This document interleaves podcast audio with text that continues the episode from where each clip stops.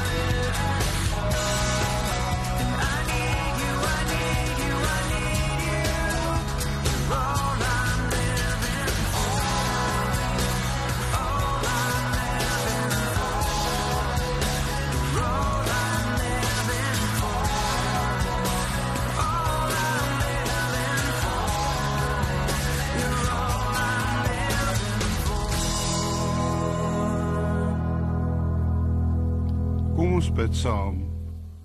Here ons Here, ons vra dat U ons lot sal verander. Soos wat U droë spruite kan verander in waterstrome. Ja Here, wie met trane saai, sal die oes met gejuig inbring. Al loop jy en huil terwyl hy die saalsak dra, sal hy juigend terugkeer wanneer hy die gerwe dra. So kan U vir ons sorg en is ons gebed dat U ook vir ons in hierdie môre sal sorg dat ons U woord sal verstaan en daaruit sal lewe. Maak alles nuut, o Here, ons bid dit in Jesus se naam. Amen. Daar's besondere gedeeltes in Jeremia waar God dinge verander en nuut maak. Waar God sê dat hy inderdaad as die almagtige God die lot van Israel sal verander. Jeremia 30 tot 33 word as 'n troosboek beskryf te midde van die oordeel van God. Kom ons lees saam met Jeremia 31 vanaf vers 21. Rig vir jou padwysers op. Bring vir jou rigtingborde aan. Hou jou oog op die groot pad, op die pad wat jy moet loop. Kom terug Israel, kom terug na jou stede toe. Hoe lank gaan jy nog talm jy wat so dikwels jou eie koers gaan? Die Here skep iets nuuts in jou land. Israel sal die Here lief hê. So sê die Here die Almagtige, die God van Israel.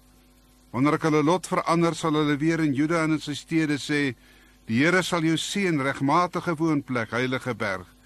Mense sal saam woon in Juda en sy stede, boere en veewagters wat rondtrek. Ek gee nuwe krag aan die wat moeg is. Ek maak die moedelose weer volmoed. Verlang jy nie ook hartstogtelik na 'n nuwe hemel en 'n nuwe aarde nie? Verlang jy nie ook daarna dat daar vrede sal wees? Verlang jy nie ook daarna dat 'n mens nie elke dag van moord en doodslag sal lees en 'n mens van die ellende van mense sal neem waarneem nie? Verlang jy nie ook daarna dat die Here Jesus sal kom en alles nuut maak nie? Dit is inderdaad iets wat in hierdie gedeelte in Jeremia en ook later in Jeremia 31 na vore kom. Jeremia is 'n boek wat verskillende stylsoorte na vore bring gedigte, verhale, profesieë, klaagliedere, oordeele, gelykenisse, maar dan ook troos. Te midde van dit alles kom daar ook die troos. Asof Jeremia wil sê te midde van die oordeel van God wat gelei het tot die ballingskap van Israel, waar God in sy oordeel oor Israel het hulle getref het, is daar ook die troos, die troos. Dit laat ons ook dink aan Jesaja 40 waar daar staan die uitkoms is hier, die uitkoms is hier. Dit sê julle God moet julle vir my volk sê, bring vir Jerusalem die goeie tyding. Ja, troos, troos my volk, sê die Here. Maar dan moet ons verstaan dat dit eintlik die volk van God is wat uiteindelik in Jesus Christus vernuwing ondergaan en dat Jesus die Here is wat die vernuwing kan bring.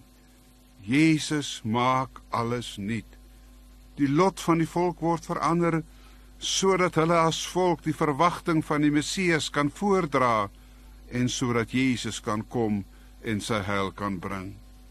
Maar wat lees ons hier? Wanneer ek julle lot verander, sal hy weer in Juda en sy stede sê, die Here sal jou seën, regmatige woonplek, heilige berg. Die seën van die Here sal kom. Die wonderlike seën van die Here wat hulle wat in ballingskap verkeer, sal dit terugkeer en in vrede laat woon.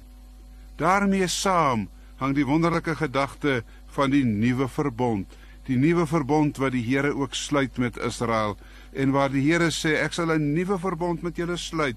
Dit sal nie wees soos die ou verbond nie, maar 'n nuwe verbond sal in julle harte wees. Julle sal daaruit lewe. Julle sal 'n nuwe verhouding met my hê, sê die Here. Julle sal in hierdie wonderlike nuwe verhouding met my lewe. God gryp in en verander sake. God maak dinge nuut. In hierdie nuwe verbond sal 'n nuwe verhouding met God wees. In Hebreërs 8 lees ons hoe dat dit deur die Here Jesus vir ons gegee word. Jesus maak dit nuut. Hy gee vir ons die nuwe verbond en daarom kan ons in 'n nuwe verhouding met hom lewe. Ja, nou is dit nie soos die ou verbond op klipharte geskrywe nie of op kliptafels nie. Dit is in ons harte geskryf. Dit staan in ons harte sodat ons die Here kan dien. Jy moet die Here ken. Almal klein en groot sal my ken, sê die Here, omdat ek hulle genadig sal wees en hulle my sal dien.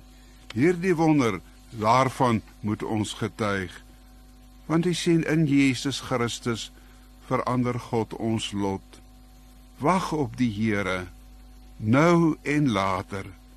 Ons word opgeroep tot 'n lewe met Jesus Christus, tot lewende bekering.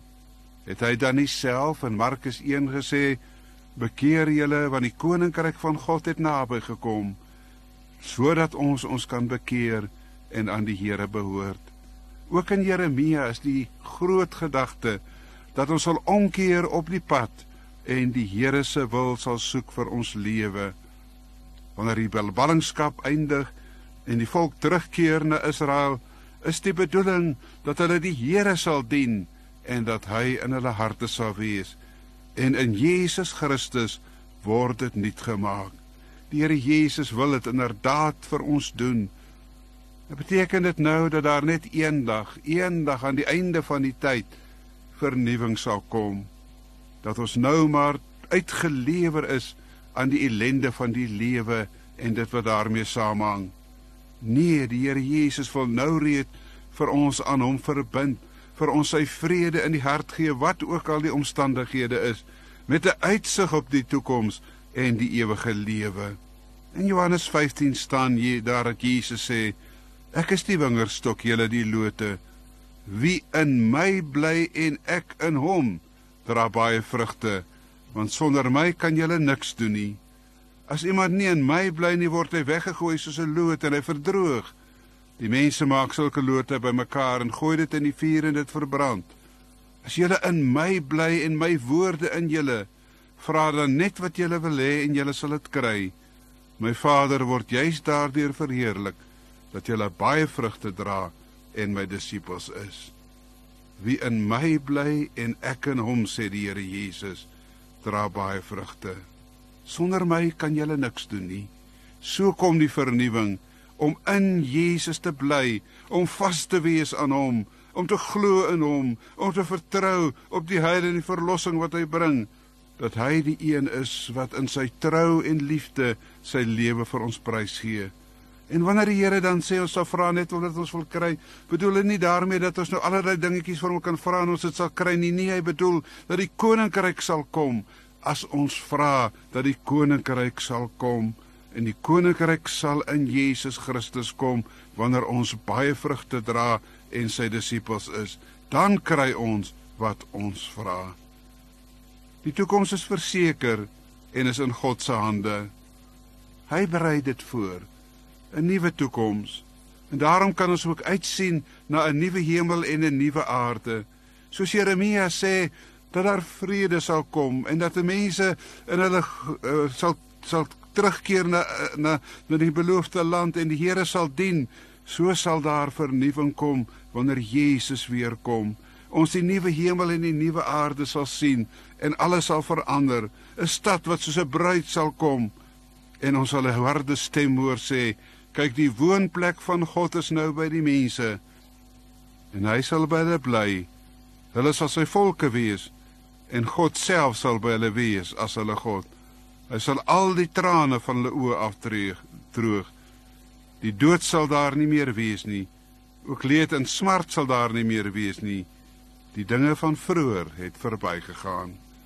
Wat 'n groot waarheid word nie vir ons gesê. Nou reeds wil die Here vir ons genade gee. Maar ons sien uit na die hemelse heerlikheid wat 'n werklikheid is. Ons hou ons oog op die hemelse. Ons weet dit kom, 'n nuwe hemel en 'n nuwe aarde waar ons in vreugde vir die Here sonder smart, sonder droefheid sal dien en die Here verheerlik. Kom ons bid saam. O Here God, U is ons groot koning. U seën ons met U liefde en U sorg. Gee dat ons ook sal uitsien na die hemelse heerlikheid wat ons in Jesus Christus kan verkry. Gee dat ons ons tot U sal bekeer en dat ons U vrede sal ondervind omdat ons aan U behoort. Dankie Here vir U liefde. Dankie vir die waarheid van U woord in Jesus se naam. Amen.